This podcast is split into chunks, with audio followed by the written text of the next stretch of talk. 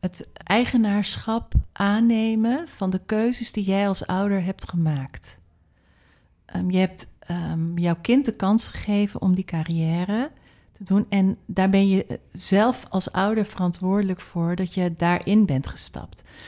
Dus ben je ook verantwoordelijk voor de teleurstelling die jij mogelijk zelf voelt. En wat ontzettend belangrijk is, is dat je die nooit legt op de schouders van je kind. Ja. Dus je bent emotioneel altijd ook verantwoordelijk voor je eigen gevoelens daar rondom. Welkom bij de Watch Your Story podcast. Watch Your Story is HET platform voor en door sporters en voormalig sporters. In het bijzonder voor hen die noodgedwongen al dan niet tijdelijk moeten stoppen met hun sport. Word lid van ons platform via watchyourstory.nl. Je vindt daar een luisterend oor, mentale begeleiding en heel veel inspiratie. In de Watch Your Story podcast delen onze sportieve gasten hun persoonlijke verhaal met jou. Want vergeet nooit, je bent niet alleen. Your story counts. Welkom bij deze vierde aflevering van de podcast special met psychosociaal therapeut Marianne van der Werf. We hebben het vandaag over schuld en schaamte. We richten ons in deze aflevering ook tot ouders en begeleiders van sporters. Iedereen heeft een innerlijke criticus in zich die je al van jongs af aan ontwikkelt. En deze kan voor veel druk zorgen en van grote invloed zijn op ons zelfbeeld en zelfvertrouwen. Vooral in de context van sport, waarbij opmerkingen van belangrijke mensen, zoals ouders en trainers, een grote impact kunnen hebben. Als ouder of trainer of coach is het belangrijk om niet alleen naar het kind te kijken, maar ook naar jezelf. Hoe ga je om met situaties waar je sportende kind zich in een loyaliteitsconflict bevindt? Ben jij een sporter die tijdelijk langs de kant staat of ben je helemaal gestopt en vraag je je af wat nu? Of heb je last van negatieve gedachten en gevoelens? Ontdek waar dit vandaan komt en wat jij kan doen om stappen in de positieve richting te zetten. Volg onze online cursus Finding Yourself Beyond Sports. Ga naar onze website watchyourstory.nl en meld je vandaag nog aan. Ook een dikke tip als jij ouder, trainer of coach bent, als je jouw sporter beter wil begrijpen die al dan niet tijdelijk noodgedwongen aan de kant staat. Marjan, welkom in deze vierde aflevering van de serie die wij samen maken. Marjan is psychosociaal therapeut en we hebben dus zo drie afleveringen uh, erop zitten waarin we het onder andere hebben gehad over identificatie. Uh, hoe hang je aan je sport of aan werk en wat doet dat met jouw uh, identiteit? In de tweede aflevering hebben we gesproken over eigenwaarde en zelfbeeld. En gisteren hadden we het over rouw en het toelaten van de emoties, waarom dat zo belangrijk is. Echt een prachtige aflevering was dat. Daar gaan we vandaag op door. Want we ronden gisteren af met een stuk schuld en schaamte. En daar wil ik heel graag nog wat meer over horen vanuit jou. Laten we beginnen bij helemaal het begin. Wat is nu eigenlijk schaamte? Um, schaamte is op een moment dat je het gevoel hebt dat wat jij voelt, wat jij denkt, wat er in jou omgaat, er niet mag zijn. Dat, um, wij denken heel vaak dat, dat dat is de dualiteit op aarde in goed en fout. En bij schaamte hangt er een oordeel van dat is fout, dat mag er niet zijn, dat hoort niet op jouw beleving in wezen. Ja. ja. ja. En hoe verschilt dat van schuldgevoel?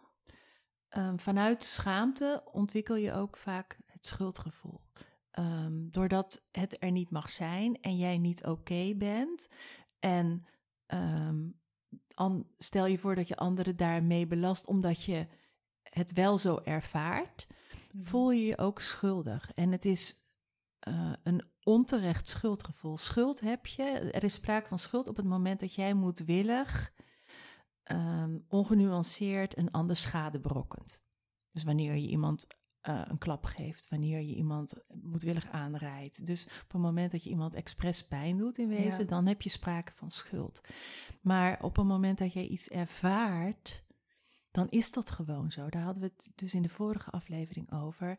En emoties mag je altijd serieus nemen. Hoe je ze vormgeeft, daar kun je over discussiëren, kun je over eh, praten. Maar alles wat er in jou is, dat is er op dat moment en dat mag je serieus nemen. Of dat nou gedachten zijn of dat emoties zijn.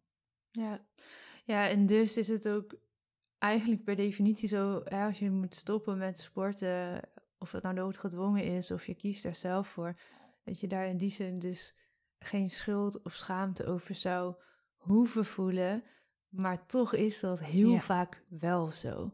En wat ik veel zie gebeuren, is dat dat toch uit een bepaald schuldgevoel komt naar omgeving, eh, waarbij dan ook loyaliteit een grote rol speelt. Het niet meer kunnen waarmaken of, ehm, nou ja, je stopt en maar, oh ja, mijn ouders die, die hebben er zo van genoten of die hebben er heel veel tijd en moeite in zitten.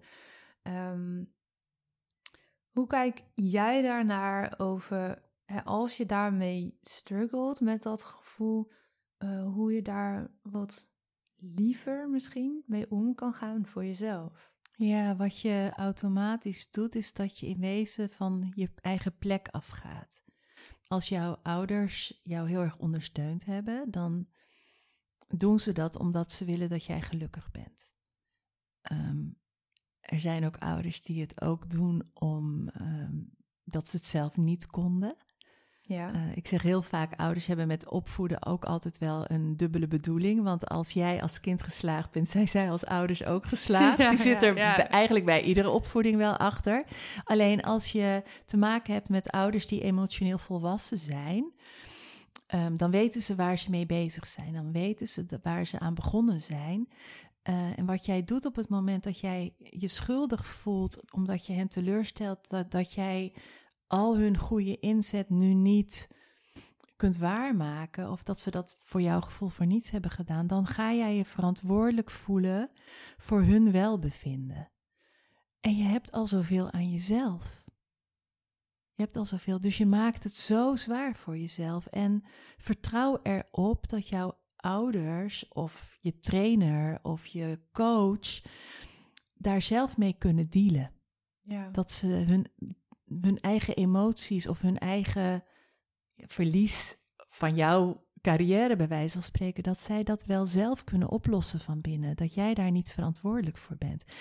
Uh, jij bent in de eerste plaats verantwoordelijk dat het met jou weer goed gaat, dat jij de dingen een plek kunt geven. En uh, daar hebben we natuurlijk uitgebreid de eerste, uh, de andere afleveringen al over gehad. Maar je hoeft je nooit te schamen um, voor wat er bij jou gebeurt. Ja, je mag er spijt van hebben, uh, maar spijt voelt heel anders bijvoorbeeld dan schuld. Ja. Tuurlijk mag je er spijt van hebben dat het niet gelukt is. Mag je er onwijs veel verdriet van hebben. En maar dat is iets heel anders dan dat jij schuldig bent. ja, precies. Ja, En als je dat nou eens omdraait, want ik denk dat er ook regelmatig ouders uh, meeluisteren die hun kind misschien zien struggelen. Um, hopelijk luisteren er ook regelmatig trainers en coaches mee. Dat weten we natuurlijk nooit precies met een podcast, dus dat altijd. Uh, ja, dus laat je horen als je luistert. En we vinden dat heel leuk om te weten wie jij bent. Eh, maar wat ik graag zou willen vragen aan je is, stel je draait het om en je bent een ouder die nu luistert en je ziet dat jouw kind in dat loyaliteitsconflict zit met jou. Want ik kan me voorstellen dat je als dat ouder misschien eerst niet eens doorhebt, op een gegeven moment wellicht wel. En eh, dat er een, een spanning is die er misschien eerder nooit was. En je zit in dat stukje loyaliteit van jouw kind, heeft die droom niet kunnen waarmaken en heeft voor zijn gevoel jou als ouder misschien wel teleurgesteld en voelt zich daarover schuldig en heeft daarop schaamte. Wat heb je als ouder te doen op dat moment richting je kind? En misschien ook wel daarop aanhakend richting jezelf. Ja, het uh, eigenaarschap aannemen van de keuzes die jij als ouder hebt gemaakt. Um, je hebt um, jouw kind de kans gegeven om die carrière te doen. En daar ben je eh, zelf als ouder verantwoordelijk voor dat je daarin bent gestapt. Dus ben je ook verantwoordelijk voor de teleurstelling die jij mogelijk zelf voelt. En wat ontzettend belangrijk is, is dat je die nooit legt op de schouders van je kind. Ja. Dus je bent emotioneel altijd ook verantwoordelijk voor je eigen gevoelens daar rondom. En tuurlijk mag jij daar ook verdrietig om zijn, maar benoem dan wel van: ik vind het ook heel erg zonde, want ik gunde jou het heel erg en ik voelde me ook heel erg trots. Maar dat is mijn pakje aan en dat kan, daar kan ik zelf mee dealen. Ja. ja, want dat is vaak wat je ziet gebeuren, dat de ander het gaat dragen als het ware voor nou ja, wie dan ook, maar Ja. voor de ander. Ja, ja, ja. En ook gewoon het schuld dat, dat je je ehm, sowieso al schaamt dat je het bijvoorbeeld niet vol hebt gehouden. En ik denk dat het lichamelijk dan iets minder misschien nog speelt als er echt een blessure komt dan wanneer jij het bijvoorbeeld mentaal eh, niet kon dragen, omdat de spanning ehm, zo heftig was dat je bijvoorbeeld net niet helemaal de juiste mindset had. Ik denk dat dan misschien het, het, het, het oordelende, hè, die innerlijke verwijt criticus, het verwijt naar jezelf. jezelf toe heel erg gaat meespelen. Van ik ben zwak en ik ben slap en anderen kunnen het wel. Dat die dan nog sterker naar voren komt, omdat die innerlijke criticus zich heel erg mee gaat bemoeien. Ja, en dit is denk ik ook een hele belangrijke om te horen. Niet alleen voor sporters zelf, maar ook voor ouders en Ja. eh, begeleiders van, van sporters. Want helaas eh, komen die verhalen mij nog regelmatig ter oren dat dat ook zo benoemd wordt. Hè? Van ja, nou ja, maar eh, Pietje of Klaasje, ja, nou ja, die eh, kan wel als laatste, want die, eh, eh, die redt het toch niet. Of die is toch altijd geblesseerd. Of, het zijn soms van die hele subtiele zinnen die enorme impact kunnen hebben Ja, op het kind, op de speler, maar zeker ook op volwassen sporters. Ja, en net die zo goed. juist die Zij is toch altijd een beetje te zwaar of te dun. Of, eh, Ja. Het zijn allemaal van die st- steekjes die, waar je eigenlijk zegt, jij bent niet goed. ja, en die ga je geloven. En die ga je ga je geloven. En zeker van ouders, trainers, andere belangrijke mensen die je misschien wel boven jezelf plaatst in die zin, of waar je afhankelijk van bent voor bijvoorbeeld een selectie. Ja.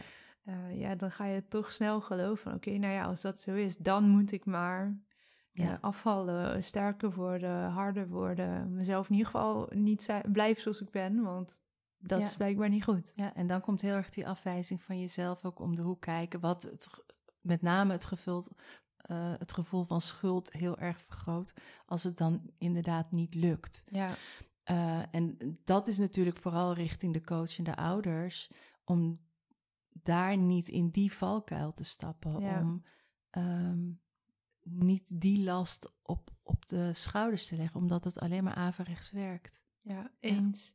Ja. En je noemde net al even kort de innerlijke criticus. Ja. Eh, dat is natuurlijk binnen de coachwereld best een bekende term. Maar als je daar nog nooit van hebt gehoord, wat ik me heel goed kan voorstellen. Wat is je innerlijke, innerlijke criticus? Innerlijke criticus is de stem die jij al van heel erg jongs af aan ontwikkelt. Om ervoor te zorgen dat jij in wezen overleeft in de context waarin je opgroeit. Dus ehm, je gaat opletten van wat wordt er van mij verwacht. Ehm, hoe moet ik me gedragen? Hoe reageren andere mensen op mij? Ehm, wat, wat is gewenst gedrag? En die innerlijke criticus is bedoeld in wezen. Die, die komt in jouw leven als stemmetje om ervoor te zorgen dat je op het rechte pad blijft en dat je het zo goed mogelijk doet. Naarmate er dingen minder goed gaan, gaat die innerlijke criticus dus meer zeggen: dit is niet goed, dat is niet goed. Je kan het beter zus doen, je kan het beter zo doen, je moet wat afvallen, net nog een pondje te veel. Ah, die tijd is net niet goed genoeg. Die kan allerlei gedaantes aannemen als pusher. Dus hoop nog een tandje erbij. Eh, als door, als, als eh, rechter van ja, maar die, ja, maar die, ja, maar die. En daardoor komt het dat het mij niet lukt. Als pleaser. Stel je voor dat je merkt dat je eigenlijk liever wil stoppen en niet meer verder wilt. Maar je ouders hebben al zoveel Ja. voor je gedaan dat je toch doorgaat en Ja. dat je gaat pleasen omwille van hen. En dan is het niet je passie meer, maar dan wordt het een drive. Dus dan krijg je eigenlijk een verkeerde motivatie om door te gaan. Ja, ja, belangrijke die je daar ook noemt. Ja. ja. Ja. En die vergroot ook weer het schuldgevoel en de schaamte als het dan niet lukt. Ja. Wat zou je zeggen zijn eh, eerste stappen als je het dan hebt over die innerlijke criticus? En stel je luistert dit en je herkent dat, denk je, jemig, ja, ik zit inderdaad tegen mezelf al die dingen mezelf, nou ja, wijs te maken. Ik ben dat gaan geloven. Eh, en je herkent dat misschien nu ineens, er valt een kwartje van, oh jee. Ehm, maar en, en dan? Wat, wat ga je doen als je ineens merkt van, hey, die innerlijke criticus, die helpt mij dus niet. Maar ik wil daar iets in gaan veranderen. Hoe dan? Ik kan me voorstellen dat dat de eerste vraag is die opkomt. Hoe Nou ja, ga dat is, dit dat is ook de eerste, st- de, eerste stap is al dat je door hebt. Ja, dat is waar. Ehm, die krijg je door en ehm daar kunnen we ook strakjes in de volgende podcast dieper op ingaan. Zodra jij merkt van "Eh, dit, dat, Ja, dat je ja, gewoon ja. Er, hè, dat je geïrriteerd bent, dat je bozig bent, dan kun je ervan op aangaan dat je gedachten niet positief zijn. En dat zijn meestal gedachten ook over jezelf, dat je ontevreden bent. Of wanneer je jaloers bent, dan is zit er een verlangen bij jou. Wanneer jij ehm, eh, naar andere mensen toe geïrriteerd raakt. Over het algemeen heeft dat te maken met de manier waarop je dan over jezelf aan het denken be- bent. Dus die, die bewustwording van hé, hey, wat zijn mijn gedachten nu eigenlijk? Dat is alle, de allereerste stap. Ehm, en de tweede stap is door je te realiseren dat jij niet je gedachten bent. Maar gedachten, die heb je. En dan kom je weer terug over naar de, eerste identificatie. Want je Ja. kunt je dus heel erg identificeren met je gedachten. Dat je denkt van oké, maar ik heb mijn gedachten, die ben ik niet. En als Ja. je iets hebt, als iets een ding is bij wijze van spreken, dan kun je ze verwerpen. Je kunt ze serieus nemen. Maar je kunt er ook voor kiezen van wil ik deze gedachten blijven geloven? Ja, En dan kom je tot de conclusie dat die niet helpend is. nee. Ja, waanzinnig mooi. Ja, Want dat is ja. wel... ehm, dat verhaal heb ik vaker gedeeld in deze podcast. Maar dat is natuurlijk bij, bij mij persoonlijk heel erg aan de hand geweest. Dat ik mij heel erg ben gaan identificeren met de ziekte reuma. Die stempel kreeg ik. En dat ben ik gaan geloven. Ja. Zo ben ik ook gaan leven, fysiek en mentaal. En pas toen ik jaren, en la- jaren later dacht van... Ja, maar dit verhaal helpt mij helemaal niet. Eh, ik ben niet reuma, maar ik doe reuma. Was het bij mij eigenlijk ja, geworden. ja. Eh, en op dat moment realiseerde ik me van, ik ben daar helemaal klaar mee, want het levert me nu, het, het leverde me ook iets op dat ik reuma deed, als het ware. Maar het levert me nu minder op dan dat het me eh, nog brengt en ik wil er vanaf. Pas toen kon ik ook gaan kiezen van, oké, maar dit is dus een verhaal wat ik ben gaan leven en een stempel die toen erop is gelegd, een diagnose die met de kennis van toen ook houvast heeft geboden, maar die voor mij nu niet meer klopt. En vanaf daar kon ik loskomen van zowel de fysieke als de mentale klachten. En ook helemaal loskomen van medicatie en alles wat erbij komt, controles. En dat dat gewoon, ja, dat, dat is nu niet meer mijn realiteit. En dat is misschien heel, als je nu luistert en je, je hebt met zoiets te dealen, dan is dat misschien dat je denkt, oh ja, lekker makkelijk praten.